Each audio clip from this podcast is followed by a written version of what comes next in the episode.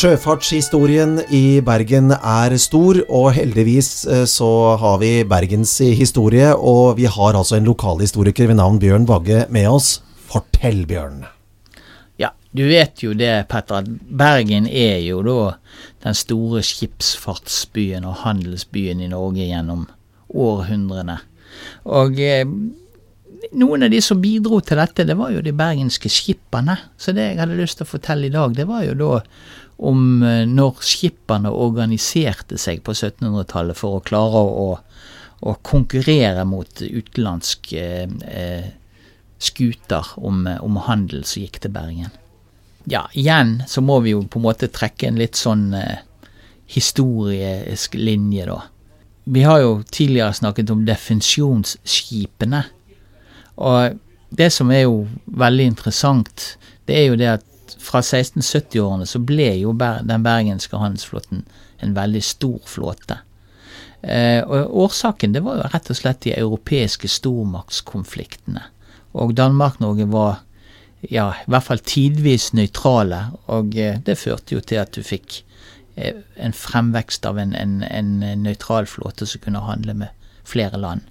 Men i hvert fall, i 1680 så uh, gir kong Kristian 5. Bergen byprivilegier, altså rettigheter. Byen forskjellige typer for rettigheter. I disse så styrker da kongen bergensflåten. Han gir nemlig bergensskipperne førsterett til frakt fra Bergen. Og ved utbruddet av den store nordiske krig i 1701 hadde derfor Bergen en stor og robust flåte på Ja, du kan ikke gjette hvor mange skip, egentlig. 250 fartøyer. Så det er enormt, egentlig. Og det er jo dette som får Ludvig Holberg da på, på, til å sammenligne Bergen havn i årene før år 1700 med den store internasjonale havn i, i Rotterdam.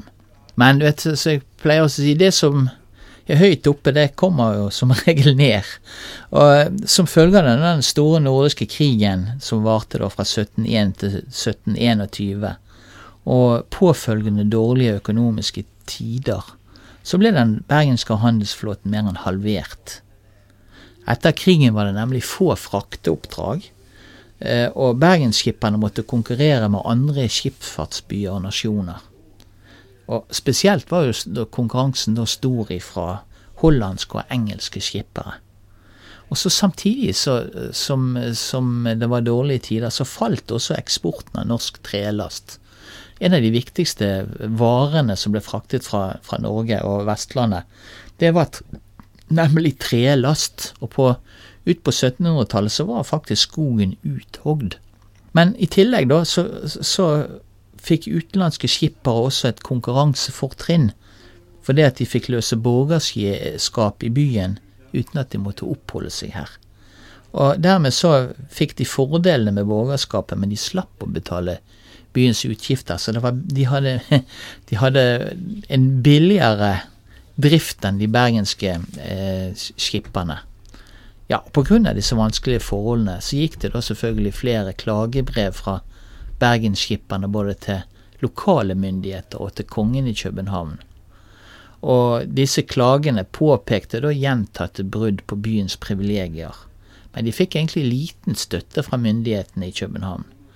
Eh, hvorfor, det, det, vet jeg ikke, men jeg kan jo tenke meg at det var andre avtaler ute og gikk òg, som ikke nødvendigvis var til fordel for bergenserne. Vel, imidlertid for å hevde sine rettigheter startet bergensskipperne å organisere seg i et laug. Ja, hva er et laug, lurer du på? Ja, et laug Ja, fra middelalderen da til langt ut på 1800-tallet var laugene da en vanlig måte å beskytte næringsinteressene på. Laugene hadde da monopol innenfor ett næringsområde eller et håndverk, og skulle da gjennom rekruttering og opplæring sikre da at faget ble utført på en, ja, hva skal vi kalle det, tilfredsstillende måte. I tillegg så fastsatte Laugen også priser og slo ned på andre som prøvde seg da i, i, i faget.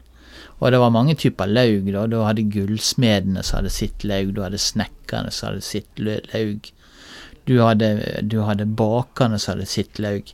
Sånn at hver egentlig, næringsinteresse hadde sin egen organisasjon som passet på at ingen andre fikk lov å drive med denne type virksomhet. Så de, satt, de, lagde altså disse laugene for å sikre kvaliteten på det som ble gjort? Ja da, det kan du godt si. Og det er jo egentlig ganske, ganske interessant. For de, de, samtidig så betød jo at de kunne jo nesten selge hva som helst av varer, fordi de hadde rettighetene. Men det, det, eh, men det hadde jo en, utvilsomt en, en god funksjon. Og en annen funksjon det hadde, som vi kanskje ikke tenker sånn over i dag òg, det var jo at de også tok vare på de tok vare på medlemmene. Dette er jo før du hadde en velferdssamfunn som vi har i dag. Så eksempel så var det regler for å ta vare på medlemmer i lauget. Eksempel en gullsmed som var falt helt utpå. Eh, han skulle hjelpes, eller døde han, så skulle familien ha hjelp til begravelse osv. Så, videre. så det var et sosialt aspekt med dette her også som er, er ganske interessant, egentlig, da. Men som jeg sa, i tillegg så fastsatte de priser og slo ned på andre som prøvde seg i faget. Og den 16. februar 1725, da, så godkjente da kong Fredrik den fjerde privilegiene til et bergensk skipperlaug, som da skulle arbeide for de bergenske sjøfartsinteressene.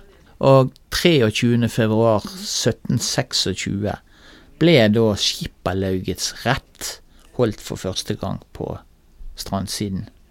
Dette ble holdt da i huset til skipperlaugets første oldermann, Heinrich Andreas Magnus. Dette huset lå da ved siden av vertshuset Morianen på Tollbodalmenningen. Denne møteplassen ble imidlertid ganske fort for liten. Derfor ble møtene flyttet til Baut Bautansgården på Muramenningens nordside. Og ja, disse lokalene fikk jo etter hvert ganske mange på å si ja, de fikk mange forskjellige eh, oppgaver. Eh, Lauget sine møtelokaler skulle nemlig snart også fungere som en lokal fraktebørs for bergensskipperne. Og det var nettopp fraktesaker som dominerte Laugets virksomhet de første 50 årene.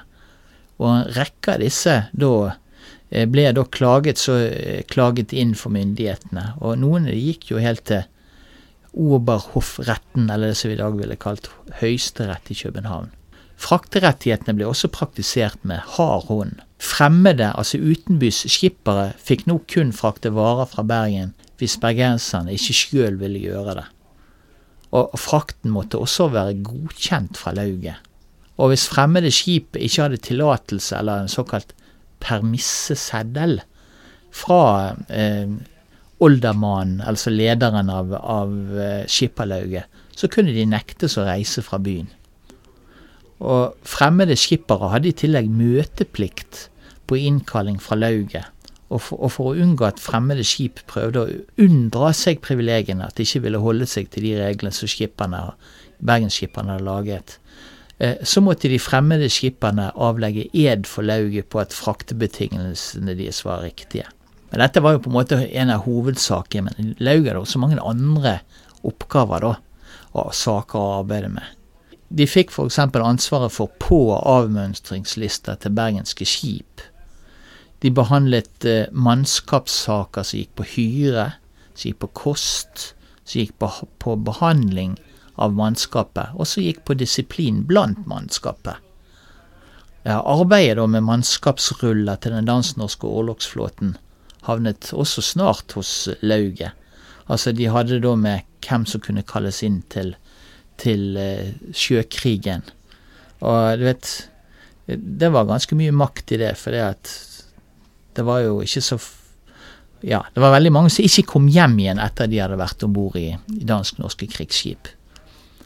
I levende live.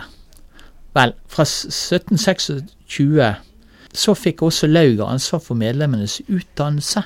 Fra da av skulle nemlig alle sjøfolk som seilte som styrmenn og skippere ha godkjent eksamen i navigasjon fra skipperlauget. En annen viktig sak som hørte under laugets ansvarsområde, var innkrevingen av slave, eller såkalte ransoneringspenger. Ja, ransoneringspenger det måtte alle sjøfolk som seilte sør for Kapp Finistere, altså det nordvest i Spania, betale for å være med og bidra til å løskjøpe landsmenn fra fangenskap i, disse nordafrikanske sjørøverstatene, da, altså dagens Marokko, Algerie og Libya. Vel, utover på 1800-tallet forsvant den, eh, hva skal vi kalle det, den merkantilistiske privilegiepolitikken. Det var hørtes flott ut. Så var utgangspunktet på forlaugene, da. En mer eh, liberal økonomisk politikk oppsto da. Nå skulle alle konkurrere fritt mot hverandre, mens før var det sånn at det ble tildelt rettigheter for å holde på med innen en bransje. Vel, den frie konkurranse førte da til at laugene mistet mye av sin betydning. Eh, laugsvesenet fikk dødsstøtet da etter den nye håndverksloven av 1839. Eh, Sjøl om enkelte bergenslaug fortsatte sin virksomhet utover dette, så var det ikke sånn med skipperlauget. Vi finner nemlig ingen nye innførsler i skipperlaugets protokoller etter 1840. Offisielt så ble da lauget lagt ned i 1860.